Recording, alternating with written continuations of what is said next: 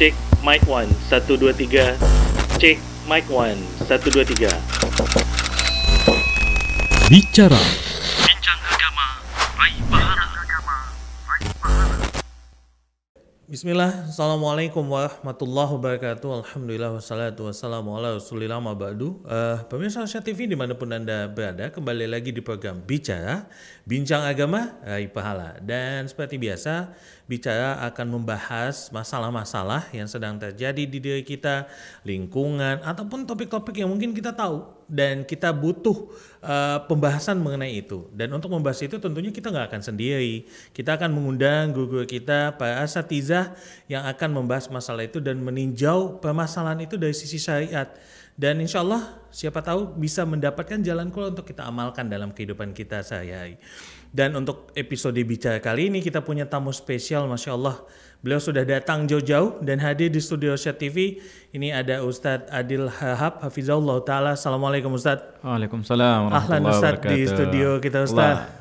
Ahlan wa sahlan. Hayakumullah. Allah, Masya Allah Ustadz.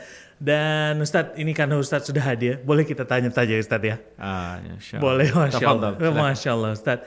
Jadi begini Ustadz, ini ada eh, sedikit permasalahan Ustadz. Mungkin nanti Ustadz bisa coba me- menjelaskan sedikit lah kepada kami semua pemirsa Asia TV.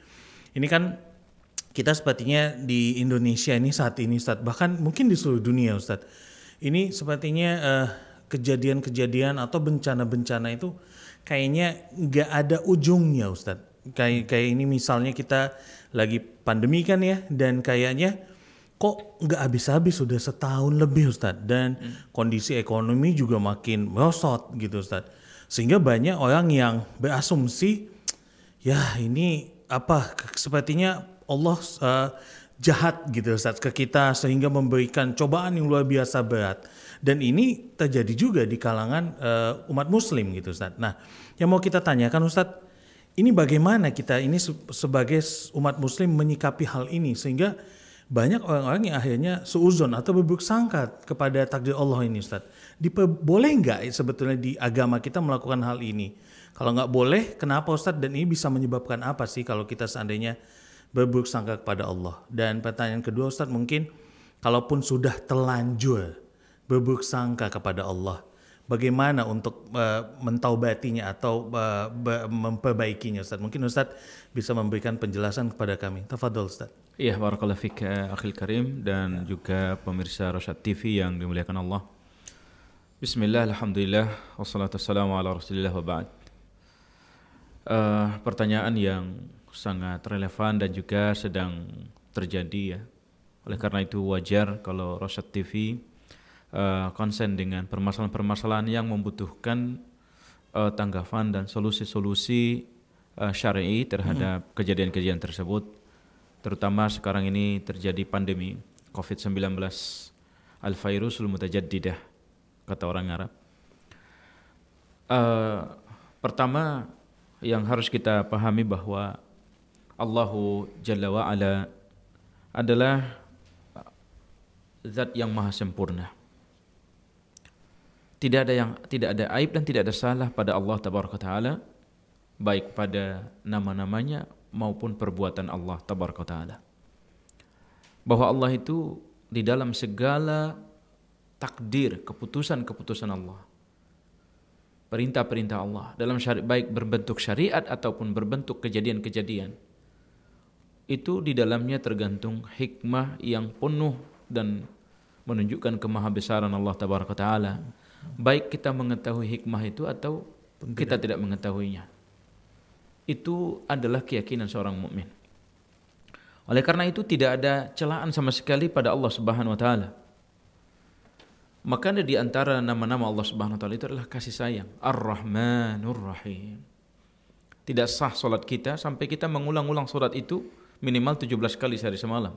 Ar-Rahmanir Rahim. Dialah Allah yang Maha Pengasih lagi Maha Penyayang. Nah, ini Allah eh, di dalam hadis yang sahih ketika salah satu peperangan Rasulullah SAW dan para sahabat melihat ada semacam pemandangan yang mengharukan menyentuh eh, hati Nabi dan para sahabat sallallahu alaihi wasallam wa radhiyallahu anhum ketika seorang ibu mencari-cari anaknya yang hilang Begitu dia menemukannya, dia peluk, dia susui dan dia tangisi. Kata Nabi SAW, apakah menurut kalian seorang ibu tersebut akan tega melemparkan anaknya ke api? Kata para sahabat, tidak mungkin ya Rasulullah. Melihat bagaimana sayangnya seorang ibunda itu kepada bayinya itu. Apa kata Nabi SAW? Ini yang menjadi letak pendalilan bagi kita. Lallahu arhamu bi'ibadihi min hadhil ummi liwaladiha. Demi Allah, Allah itu lebih kasih sayang kepada seluruh hambanya, kepada hamba itu, daripada kasih sayang seorang ibu ini kepada bayinya itu. Berarti ketika Allah me menurunkan pandemi ini, virus ini, ini berarti nggak bisa kita mengatakan Allah itu zalim. Allah itu ingin menyebabkan kerusakan kepada hambanya lah. Di antara sifat Allah Subhanahu wa taala itu adalah laisa bidzallamin lil abid. Allah itu tidak menzalimi hambanya sama sekali. Lalu kenapa ini semua ini?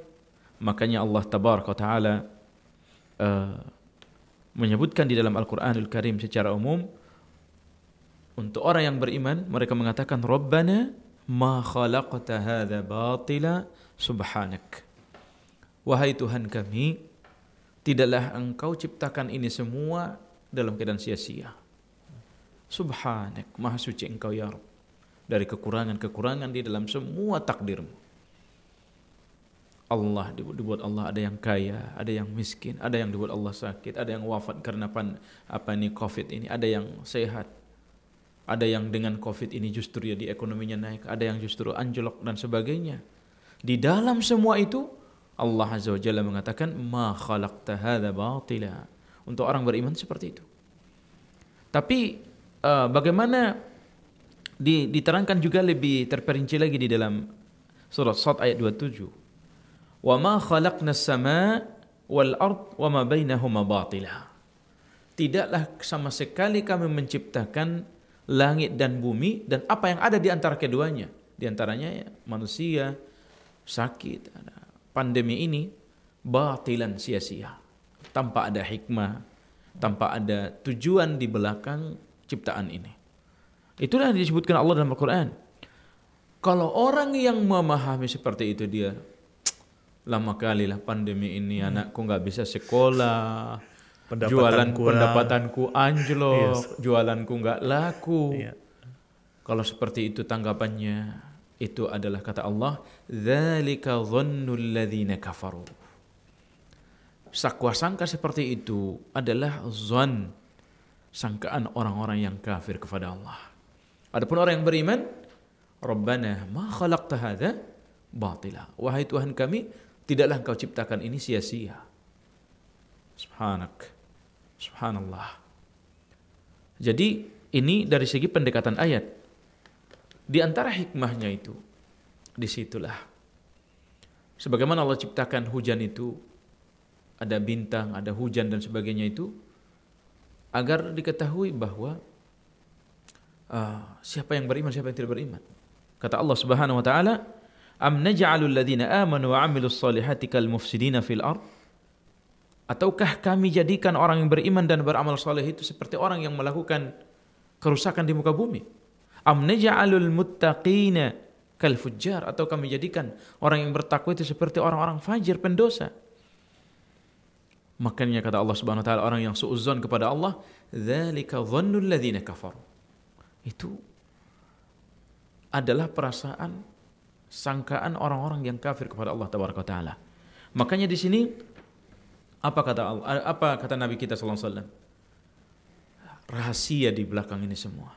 Kata Allah, "Ya, idza ahabba qauman," Allah Subhanahu wa taala mengatakan, "Inna Allah idza ahabba qauman ibtalahum." Apabila Allah mencintai sebuah kaum, Allah uji mereka. Dan terkadang Bahkan ada para sahabat yang wafat dalam peperangan, mati, wafat, mati syahid. Untuk apa? Karena harus sesekali dibuat Allah Subhanahu wa taala kaum muslimin itu ada yang wafat gara-gara musibah, gara-gara peperangan dan sebagainya. Agar Allah memilih di antara orang-orang beriman itu untuk mendapatkan jannah al-firdaus, jannah yang sangat tinggi di surga nanti yaumul qiyamah. Dan juga kenapa sesekali Allah menangkan kaum mukminin agar jangan putus asa orang-orang beriman bahwa mereka tahu ada Rob mereka yang menolong mereka. Ya ini pun sama. Jadi memang dalam hal ini imma ada di antara hikmah yang disebutkan para ulama kenapa ada musibah.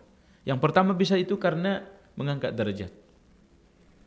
Agar Allah angkat derajat orang-orang beriman. Apa pun, makanya dahulu ketika pernah ada kenaikan harga di zaman dahulu. Orang-orang soleh mengatakan, Wallahi saya tidak peduli harga gandum ini satu kilo sama dengan harga emas satu kilo. Kenapa kata dia? Karena saya tahu Allah sudah menjamin rizkiku. Kalau kata Allah menurut takdir aku akan makan, pasti aku akan makan. Biarpun harga gandum tersebut satu kilo sama dengan harga emas. Ya kita nggak peduli seperti pandemi ini. Rabbana ma khalaqta hadza batila. Subhanak faqina adzaban nar. Maha suci engkau ya Allah. Maha suci engkau ya Allah. Jadi ketika ini sudah sampai kepada derajat seperti itu maqam husnuzan subhanallah. Dia bisa makan pakai nasi sedikit saja, ada garamnya, dia syukur, dia puas dalam hidupnya. Bagaimana kalau anaknya semua bisa makan? Bagaimana kalau makanannya banyak? Bagaimana kalau ada lauk? Bagaimana kalau dia pakai daging? Bagaimana memberikan tomak nina, ketenangan batin dan husnuzon kepada Allah yang luar biasa. Berbeda dengan orang-orang kafir. Oleh karena itu, satu hal yang perlu kita ini kan disuruh Allah dalam segala hal. Was'alullaha min fadlih. Mintalah kepada Allah karunianya. Ya Rob, Ya Rob, Ya Rob. Mudahkan hamba, mudahkan hamba. Jauhkan hamba dari COVID-19. Mudahkan keturunan hamba dari apa namanya? Jauhkan keturunan hamba dari COVID-19. Ya Rob.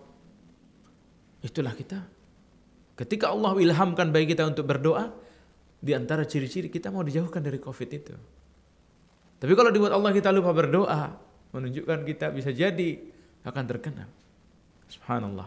Oleh karena itu, bagaimana kalau seandainya uh, kita husnuzon, apa kita ber bersuuzon kepada Allah? Kata Allah, Allah kasih tahu. Nih, nih, kata Allah. Kata Allah Subhanahu wa taala, kenapa terjadi musibah ini pada diri kalian? Kata Allah di dalam Al-Qur'an dalam surat An-Nisa ayat 79. "Wa ma asabaka min sayyi'atin famin nafsik." Keburukan yang menimpa dirimu itu akibat ulahmu sendiri. Zahar al-fasadu fil barri wal bahri bima kasabat aydin nas.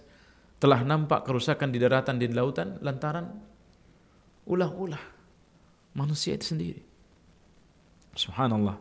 Oleh karena itu uh, seorang mukmin itu dalam semua kondisinya dia di atas kebaikan. Kalau dia ditimpa musibah dia bersabar, lebih baik baginya. Kalau dia dia dimudahkan rezekinya, diangkat pandemi, dia bersyukur, maka lebih baik lagi baginya. Kullun khair semua bagi dan ini tidak mungkin bagi orang selain mukmin. Makanya kalau orang-orang kufar tahu bagaimana keutamaan seorang mukmin, mereka itu akan bergegas untuk memahami agama ini, bergegas untuk bersyahadat. Subhanallah. Oleh karena itu uh, satu hal yang Ustaz ingin tutup kata Allah wal aqibatu taqwa wal aqibatu muttaqin. Kesudahan yang baik bagi orang yang bertakwa. Kesudahan yang baik bagi orang-orang yang bertakwa. Dalam kondisi kita miskin, dalam kondisi pandemi, dalam kondisi tidak pandemi, ketika kita bertakwa, pasti kita yang selamat. Kita miskin, kita kaya, kita dalam kondisi apa pun, pasti kita akan berakhir dengan kebaikan. Amalmu hari ini menentukan nasibmu besok. Pemikiranmu hari ini akan menentukan perbuatanmu besok. Amalmu hari ini akan menentukan balasanmu besok. Masalah ini nggak bisa kita dalam masalah akhirah, dalam masalah jannah, masalah nar, nggak bisa spekulasi. Dia tidak ada mustaqiman. Fattabi'uh. Jalan yang lurus yang kita ikuti. Kalau nggak ikut itu, itu adalah subul jalan-jalan yang semuanya menuju jahannam. Maka itu siapa yang suuzon kepada Allah ingat poin-poin yang tadi. Allah sifatnya adalah Rahman Rahim. Semua diturunkan Allah karena Rahman Rahim atau kemahaadilan Allah Subhanahu wa taala. Atau karena Allah ingin mengangkat derajat kita atau karena Allah ingin menggugurkan pahala apa namanya dosa-dosa kita. Makanya barangkali itu ada lagi yang kira-kira mungkin. Nah, bagaimana Ustaz kalau seandainya memang sudah terlanjur suzon? Kita harus uh, bagaimana Ustaz? Bertaubat atau uh, mohon ampun seperti apa Ustaz? Iya, barakallahu fiik. Sahih. Kata Nabi uh, kata Nabi SAW wa atbi sayyatil hasanah tamhuha. Lakukanlah iringkanlah keburukan itu dengan kebaikan. Niscaya kebaikan akan menghapus kesalahan tersebut. Mungkin seorang muslim dia tidak sadar karena dia kelimpungan dia bikin dagangan nggak laku. Uh, dia bikin minuman malah rusak. Hancur lebur lah pokoknya. hancur lebur ya Allah. Tetapi dia lupa. Bukankah Allah beri dia hidup sudah umurnya berapa? 40 tahun 20 tahun. Dia adem ayam masa Allah uji setahun dua tahun tiga tahun. Makanya Nabi Allah Ayub alaihissalam ketika istrinya mengatakan doalah kepada Allah agar Allah akan Allah akan mengijabahkan doamu kata dia saya malu wahai istri aku malu kepada Allah bukankah dia membuat kita kaya raya sehat walafiat 20 20 apa namanya 29 tahun atau lupa saya waktu itu jumlah tahunnya maka setelah dia dapat sakit seperti umurnya itu Malamnya itu dia berdoa kepada Allah. Besoknya Allah sembuhkan dia. Subhanallah Nabi Allah Ayub alaihi salatu wassalam. Makanya ada yang di antara para nabi diuji dengan musibah, kemiskinan, kematian. Ada yang di antara para manusia itu di antara para nabi juga diuji dengan kekayaan seperti Nabi Allah Sulaiman. Nah siapa yang di antara yang di antara mereka yang terbaik? baik? Wal muttaqin. Siapa yang paling bertakwa di antara mereka? Itulah yang terbaik. Maka barangkali itu akhir karim. Masya Allah, jazakallah ya Ustaz Barakallah Fik atas uh, faedah singkatnya Ustaz eh, mengenai masalah ini dan buat pemirsa Ustaz TV di mana pun Anda berada dan demikian bahas sudah seluruh episode bicara kita kali ini bersama guru kita Ustaz Adil Hab Hafizullah Ta'ala. Dan kita tutup dengan doa kafatul majlis. Subhanakallahumma bihamdika Assalamualaikum warahmatullahi wabarakatuh. Waalaikumsalam.